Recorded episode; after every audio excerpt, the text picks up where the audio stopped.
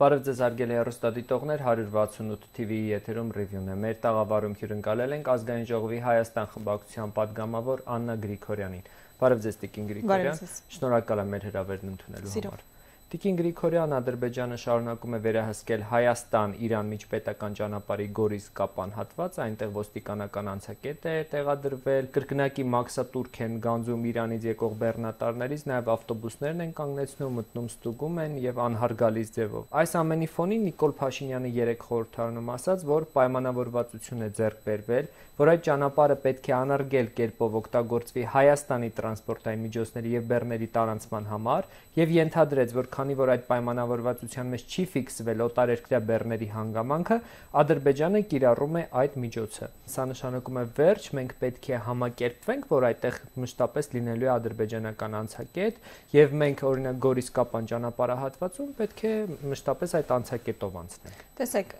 իհարկե հարցը բազմաշերտ է եւ տարբեր իրավիճակներ նկարագրող եւ վերլուծություն պահանջող, բայց մինչեւ բուն իրավիճակը նկարագրելուն ես անդրադառնամ, տեսեք, Նիկոլ Փաշինյանն երեք այո ասում է, որ չէին ֆիքսել, որ նաև օտարերկրյա բեռնափոխադրումները պետք է սահուն, հա, անցնեն այդ ճանապարհահատվածում։ Իսկ որտեղ դա պետքա ֆիքսվեր։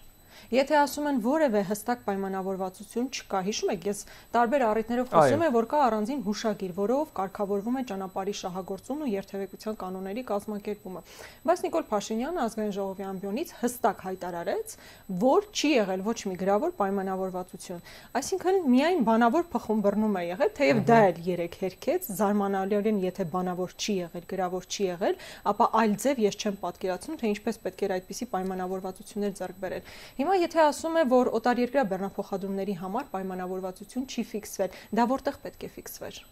բանավոր հասկանում եք, ես չեմ կարողանում հասկանալ, թե այս իշխանությունները որևէ կողմի հետ պայմանավորվելիս ինչպիսի սկզբունքներով են առաջնորդվում։ Դա ի վերջո որտեղ է սկսվում արտացոլվել, որովհետև առհասարակ դրամաբանական հարց եմ հիմա ձեզ ուզում հնչեցնել։ Եվ դուք այո, բանավոր է պայմանավորվել սկզբում, որ Կոսականի եւ Սանասարի հատվածները զիջում էին, բայց այդտեղ որտեղ պետք է դիսլոկացվեն ադրբեջանական զորքերը, հայկական, ռուսական սահմանապահները եւ այլն, դրանք այդպիսի մեխանիկական պրիմիտիվ բաներ չեն, որ կարելի է ուղղակի բանավոր նստել խոսել ու վերջ։ Դրանք հստակ թուղթ ու գրիչ են պահանջում, որpիսի այնտեղ հստակ բաժանումներ լինեն, քարտեզներ լինեն, այսինքն սրանք լուրջ գործընթացներ են եւ ուղղակի լոկ ասել, որ բանավոր ժամանակին խոսել ենք։ Հետո ուզել են գրավոր վերածել, բայց չենք արել, բայց արդյունքում բանավորել չենք արել։ Սա մանիպուլյացիա յուրահատուկ ինչ որ մաստեր կլաս էր, որ որևէ մեկի համար ուղղակի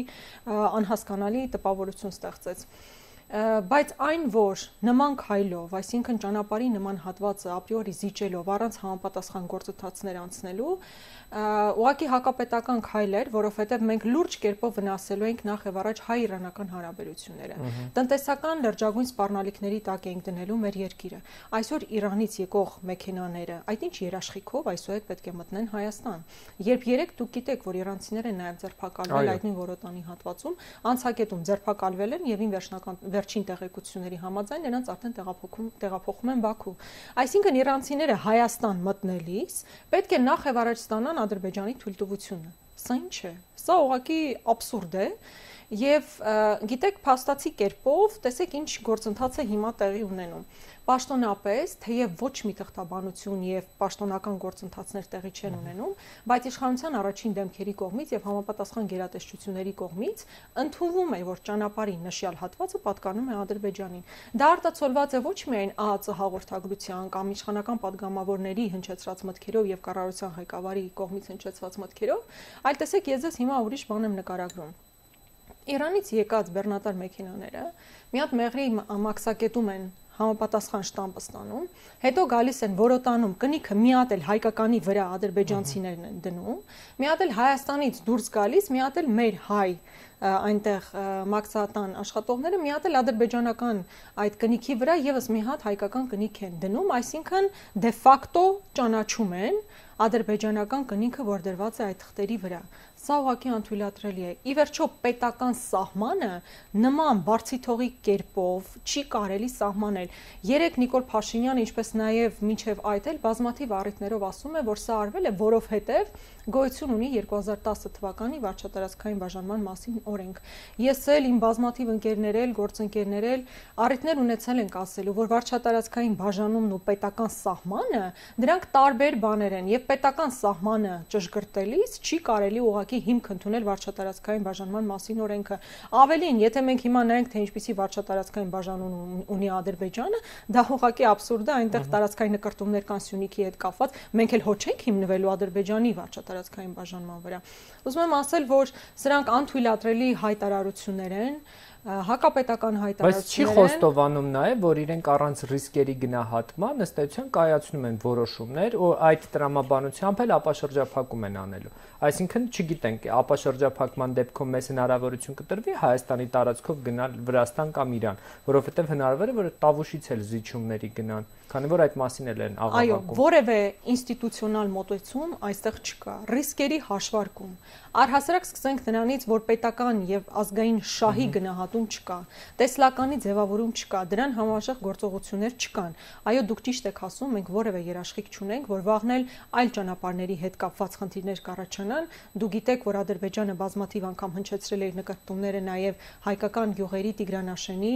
եւ նաեւ Տավուշյան գյուղերի հետ կապված եւ մենք չգիտենք թե եթե այն ժամանակահատվածում, երբ Նիկոլ Փաշինյանն է կառավարության ղեկավարը, ինչպիսի ռիսկայնությամբ կընթանան այդ գործընթացները։ Neira. Եվ ի վերջո, երբ Նիկոլ Փաշինյանը բանավոր փոխմբռնմամբ հանձնում էր Կովսականի եւ Սանասարի հատվածները, ինքը լավ գիտեր, որ այդ ճանապարհին մենք այլընտրանք ու ռեալ այլընտրանք չունենք իդևս Տաթև Տաթև Աղվանի ճանապարհին։ Այն այս պայն վերանորոգվում է, բայց խոշոր բեռնատար մեքենաների եւ բեռնատար կցորթիչով մեքենաների համար այն ուղակի բացարձակ հարմար ճանապարհ չի, այսինքն Իրանից եկող բեռները այլևս խուսափելու են մտնել Հայաստան նախ եւ առաջ, որովհետեւ այդ ճանապարհը հարմար չէ։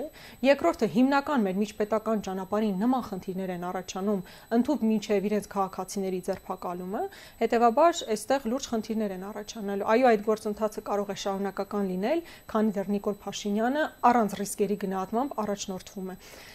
Հետո Տեսեք, այդ ճանապարհն հանձնելիս երեք ես նաև ազգային ժողովում այդ հարցը հնչեցրեցի։ Իրենք ասում էին, որ կանխատեսել են, որ այդ ճանապարհը մի օր էլ կարող է փակվել։ Դուք հիշում եք, հավանաբար մոտ 20 օր առաջ այդ ճանապարհը փակվել էր օգոստոսի 27-ին։ Երկու օր փակ էր մնացել։ Այդ փակ լինելու նույն ժամանակահատվածում 3 գյուղեր Շուրնուխը, Որոտանը, Բարձրավանը մնացել էին շրջափակման մեջ։ Ճիշտ է, Նիկոլ Փաշինյանը երեք ասաց, որ Նման բան չի եղել, կարծես այդտեղի բնակիչները չէին, որ խոսում էին, ես կարծում եմ ձեր գործընկեր լրագրողներն էլ հավուր պատշաճի կարողացան ցույց տալ իրավիճակը, այդ իրավիճակը երկու օրվա ընթացքում։ Եվ միայն ռուս սահմանապահների միջնորդությամբ էր, որ մարդիկ ստանում էին իրենց անհրաժեշտ, հա, սնունդը կամ ինչի անհրաժեշտության կարիքն այդ պահին ունեին։ Եվ փաստորեն եւ բանավոր հանձնում էին, չէին նախատեսել, կանխատեսել էին, որ կարող է փակվել, բայց միևնույն ժամանակ հաշվի չէին առել այդ մարդկանց ֆիզիկական անվտանգության ռիսկերը, որ կձևավորվեին, երբ նման գործընթացներ տեղի ունենան։ Փաշինյանը ձեր բուն հարցին էլ չպատասխանեց, թե որևէ երաշխիք կա, որ իրանական մեքենաներից հետո հայկական մեքենաները չեն կանգնեցնելու։ Ինչու չպատասխանեց այդ Որովհետև ես ինձ մոտ այնպեսի տպավորություն է, որ նա առհասարակ դուրս է մնացել որևէ գործընթացից Եվ նրա այսպիսի пассивությունը նաև մեր երկիրն է դուրս թողնում ընդհանուր գործընթացներից։ Ինձ մոտ տպավորությունն է, որ Ռուսաստանն ու Ադրբեջանը այդ միջպետական ճանապարհի վերահսկողության համար իրենք առանձին որոշումներ են կայացնում։ Դուք հավանաբար կհիշեք նաև Սյունիքի մարզպետի այն հայտարարությունը, երբ ոստիկանական կետը դրվեց, նա հայտարարեց, որ գիտեք, ես տեսել եմ մամուլով գնացել, ոչ մի անհանգստանալու բան չկա։ Ադրբեջանցիները իրենց տարածքում անցակետ են դրել, ռուսներն էլ վերահսկում են։ Բա մենք որպես իշխանություն, դուք որպես իշխանություն եւ Հայաստանի Հանրապետությունը, որը որպես պետություն որևէ անելիք այս ամենում չունի։ Դուք խոսեցիք նաև հայ-իրանական հարաբերությունների մասին այս կոնտեքստում։ Թեհրանի Հայդատի հանձնախմբի ղեկավարը մեր տաղավարում նշել էր, որ Իրանում արդեն հորդորում են զբոսաշրջիկներին ցամաքային ճանապարհով չայցելել Հայաստան, բեռնատարների վարորդներն էլ դժգոհում են կրկնակի հարկումներից եւ նաեւ ասում են, որ այդ գրունտային ճանապարհով իրենց բեռնատարները ըստ էության կվնասվեն, չեն կարողանա անցնել։ Ինչ է սպասվում մեզ։ Ես կարծում եմ, որ այս գործընթացը եթե շարունակական լինի, այսինքն եթե այս պահին ինչ որ կերպ դիվանագիտական խողովակներով կոմունիկացվում են հայ իշխանության ներկայացուցիչները, արտաքին գործերի նախարարությունը մասնավորապես, եւ եթե կարճ ժամանակում այս խնդիրը հնարավոր չի լինելու կարգավորել, ապա այո, մենք այդ սպառնալիքի արժեվ կարող ենք կանգնել։ Բայց սպառնալիքն ավելի խորն է, երբ ես պատկերացնում եմ, որ մեր հայրենակիցներն, ովքեր այս պահին Իրանի Իսլամական Հանրապետության քաղաքացիներ են, այսինքն ցակումով հայեր, որոնք գալիս են Հայաստան, ստիպված են առերեսվել նման խնդրի, երբ մարդը իր հայրենիք է վեր վերադառնում, բայց կանգնեցվում է, գիտեք, որ ավտոբուսներ են կանգնեցնում Իրանից եկող, կանգնեցվում է ադրբեջանցիների, զինված ադրբեջանցիների կողմից, նրա փաստաթղթերն է ստուգում։ Սա ուղղակի ես ուղղակի պատկերացնում եմ հոգեվիճակը մեր հայրենակիցների, ովքեր այդ գործընթացի միջով են անցնում։ Ես միևնույն ժամանակ ուզում եմ փոխանցել նաև բազմաթիվ իմ հայրենակիցների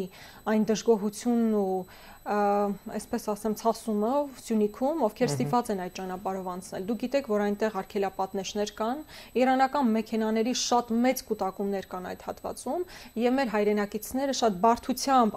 անցնում են այդ անցակետերի միջով, այսինքն այդ արկելապատնեշների զիգզագաձև անցնում են եւ շատ մոտիկ դուք պատկերացրեք այդ արկելապատնեշի կողքով անցնում են, քանի որ կուտակումները շատ-շատ դանդաղ են անցնում եւ զինված ադրբեջանցին հենց քո հայելու մոտ անընդհատ այս շարժումն է անում, որ արագ անցեք, արագ անցեք։ Այսինքն Հայաստանի Հանրապետության քաղաքացիներ իր միջպետական ճանապարհով անցնելիս ստիպված է լինում ուղղորդվել ադրբեջանցի զինվորի, զինված զինվորի Հայաստանի Հանրապետության քաղաքացիներից զգուշացվել էր այսօրվա մասին։ Հիմա սյունեցիները գոհ են իրենց ընտրած ապագայից։ Սյունեցիների մեծ մասը իհարկե դժգոհ է ստեղծված իրավիճակով։ Ես չեմ կարծում, որ Հայաստանի Հանրապետության որևէ քաղաքացի անկախ նրանից թե ում է իր ձայնը տվել կարող է գոհ լինել նրանից ինչ ինչպիսի իրավիճակում ենք մենք այսօր հայտնվել որևէ մեկը նաև Գեղարքունիքում այսօր ցույցեր էին իհարկե թեման այլ է բայց նրանք անվտանգային խնդիրների մասին էլ են խոսում գիտեք անկախ քաղաքական հայացքներից մեր երկրի սահմանների պաշտպանությունը բոլորիս խնդիրն է եւ եթե սահմաններում խնդիր կա մենք բոլորս անխտիր պետք է բարձրացնենք հետեւական լինենք որ անկախ նրանից թե ինչպես ենք վերաբերում իշխանությունների օր առաջ լուծենք խնդիրները որովհետեւ սրանք ֆիզիկա ֆիզիկական, էգզիստենցիալ հարցեր են եւ առանց ֆիզիկական անվտանգության խնդիրների լուծման մենք առաջ ուղակի գնալ չենք կարող։ Ինչ տեսլականներ, ինչ տնտեսական աճ եւ այլն եւ այլն, սրանց մասին ուղակի абսուրդ է այս բանը խոսել։ Նիկոլ Փաշինյանը խաղաղության դարաշրջան էր խոստացել, ապա շրջափակում էր խոստացել, փաստացի ստացվում է, որ մենք ընկնում ենք շրջափակման մեջ, այդ խաղաղությունն էլ մշուշոտ է։ Ի վերջո իր խոստումները կարողանալու է կատարել Նիկոլ Փաշինյանը։ Տեսեք, ինձ համար շատ վախենալու է այն խաղաղության դարաշրջանը, որ Նիկոլ Փաշինյանն է օրվա գծում, որովհետև սա ոչ թե խաղաղության դարաշրջան է, այլ հերթական կապիտուլյացիա։ Միգուցե եւ մեր պետության վերջնական կապիտուլյացիան, որովհետև այն նույն ժամանակահատվածում, երբ Նիկոլ Փաշինյանն ասում է Թուրքիայից ազդակներ ենք ստանում, այն էլ դրական ազդակներ ենք ստանում, այդ նույն ժամանակահատվածում թուրք-ադրբեջանական ռազմական վարժություններ են տեղի ունենում հենց Քաշաթաղի շրջանում։ Այսինքն դրական ազդակը թուրք-ադրբեջանական զորավարժություններն են, ես մի քիչ դժվար եմ պատկերացնում, եթե քո հարևան երկրները դրական ազդակ են տալիս քո խաղաղության դարաշրջանին, հնչեցած մտքերին, միևնույն ժամանակ իրականացնեն նման զորավարժություններ։ Ադրբեջանի բարձրաստիճան ղեկավարությունն էլ հայկական քաղաքների ադրբեջանական անունները, հայկական քաղաքներն անվանում են ադրբեջանական անուններով եւ ամբողջ իրենց երկրում հասարակական տրանսպորտով դա փորձում են մարդկանց գիտակցության մեջ ներմուծել։ Այսինքն մի երկիր եւ մի ղեկավարություն, որ իր հասարակությանը տրամադրում է, որ դեռևս Հայաստանում կան տարածքներ, որ նրանք պետք է վերցնեն վաղ թե ուշ։ Բաց խոսում են։ Շատ բաց են խոսում, այսինքն այստեղ նույնիսկ թաքնված մեսեջներ չեն։ Սրանք շատ հստակ հայտարարություններ են, հստակ ձևակերպումներ են, մարդկանց վիզ վիզուալ ընկալումներում շատ ավելի ավելի ընկալելի են դառնում եւ նրանք վաղ թե ուշ իրենց երիտասարդ սերնդի մեջ այդ ատելության քարոզի շարունակականության, ինչպես նաեւ նման հստակ մեսեջների արդյունքում ստիպելու են, որ մարդիկ պատկերացնեն, որ Հայաստանի Հանրապետությունում դեռևս կան տարածքներ, որ ադրբեջանցիները պետք է վերցնեն։ Ես էլ չեմ ասում, թե Սյունիքի հետ կապված ինչպիսի հայտարարություններ են հնչում Ալիևի կողմից, եւ որոնք հետ կապված, Սևանի հետ կապված։ Այո, եւ որոնք որևէ ռեալ հակազդեցության չեն արժանանում։ Եվ ի վերջո եկեք չմոռանանք, որ մայիսից մինչև այսօր Սև լճում, Գեղարքունիքում, տարբեր հատվածներում տեղակայված են ադրբեջանցի զինվորներ։ Եթե Ադրբեջանը, եթե Թուրքիան տրամադրված են նրան, որպիսի խաղաղության դարաշրջան սկսվի, նրանք նախ եւ առաջ դուրս կգային, չէ՞, Սև լճի շրջակայքից։ Գեղարքունիքում ամեն անգամ հերթական սադրանքների չեն գնա։ Եվ երասխումել նոր, հա, մենք զոհեր չէինք ունենա։ Այսինքն, երբ մենք սահմանին նոր զոհեր ենք ունենում, երբ մեր պետական սահմանն արդեն մեր տարածքային ամբողջականությունը շարունակում է խախտված մնալ, մեր իշխանությունը ընկերությունները պարտվողական քաղաքականության շարունակության տրամաբանության մեջ ասում են, որ մենք պատրաստ ենք խաղաղության դարաշրջանին։ Նիկոլ Փաշինյանն ազգային ժողովում էլ էր կարծեմ հենց ասել, որ Ադրբեջանը նման գործողություններով փորձում է այդ տարածաշրջանային ապաշրջափակումը թույլ չտալ, քանի որ դա հայկական շահերից է բխում։ Տեսեք, Ադրբեջանը ուզում է, որպեսի կապ ունենա Նախիջևանի հետ եւ պատկերացնում է, որ դա իր սուվերեն տարածքը պետք է լինի, այսինքն միջանցքի տրամաբանության պետք է լինի։ Հայկական եւ մեր պետական շահը թելադրում է, որ դա պետք է անթույլատրելի լինի։ Որևէ զիջում սուվերեն մեր տարածքի չի կարող լինել եւ մենք սա փորձում ենք առաջ տալ։ Բայց Նիկոլ Փաշինյանն ասում է, օրինակ Իրանի այս վերջին իրադարձությունները, երբ իրանական բեռնատար մեքենաները կանգնացվում էին, ասում է սա արվում է, որովհետեւ մենք միջանցք չենք տալիս։ Ահա, մենք միջանցք չենք էլ տալու, որովհետեւ դրա ոչ ամրագրված է նոյեմբերի 9-ի հայտարարության մեջ, ոչ հունվարի 11-ի հայտարարության մեջ եւ առհասարակ դա մեր պետական շահի դեմ է, բայց եթե ամեն անգամ դա մեզ պարտադրելու համար հերթական սադրանքի են գնում ադրբեջանցիները, մենք որևէ հակազդեցություն չունենք այս մարդկանց տալու որովհետև եթե դու ամեն անգամ զերծ ես մնում ռեալ համաչափ գործողություններ իրականացնելուց, նրանք առաջ անդադար առաջ են գալու,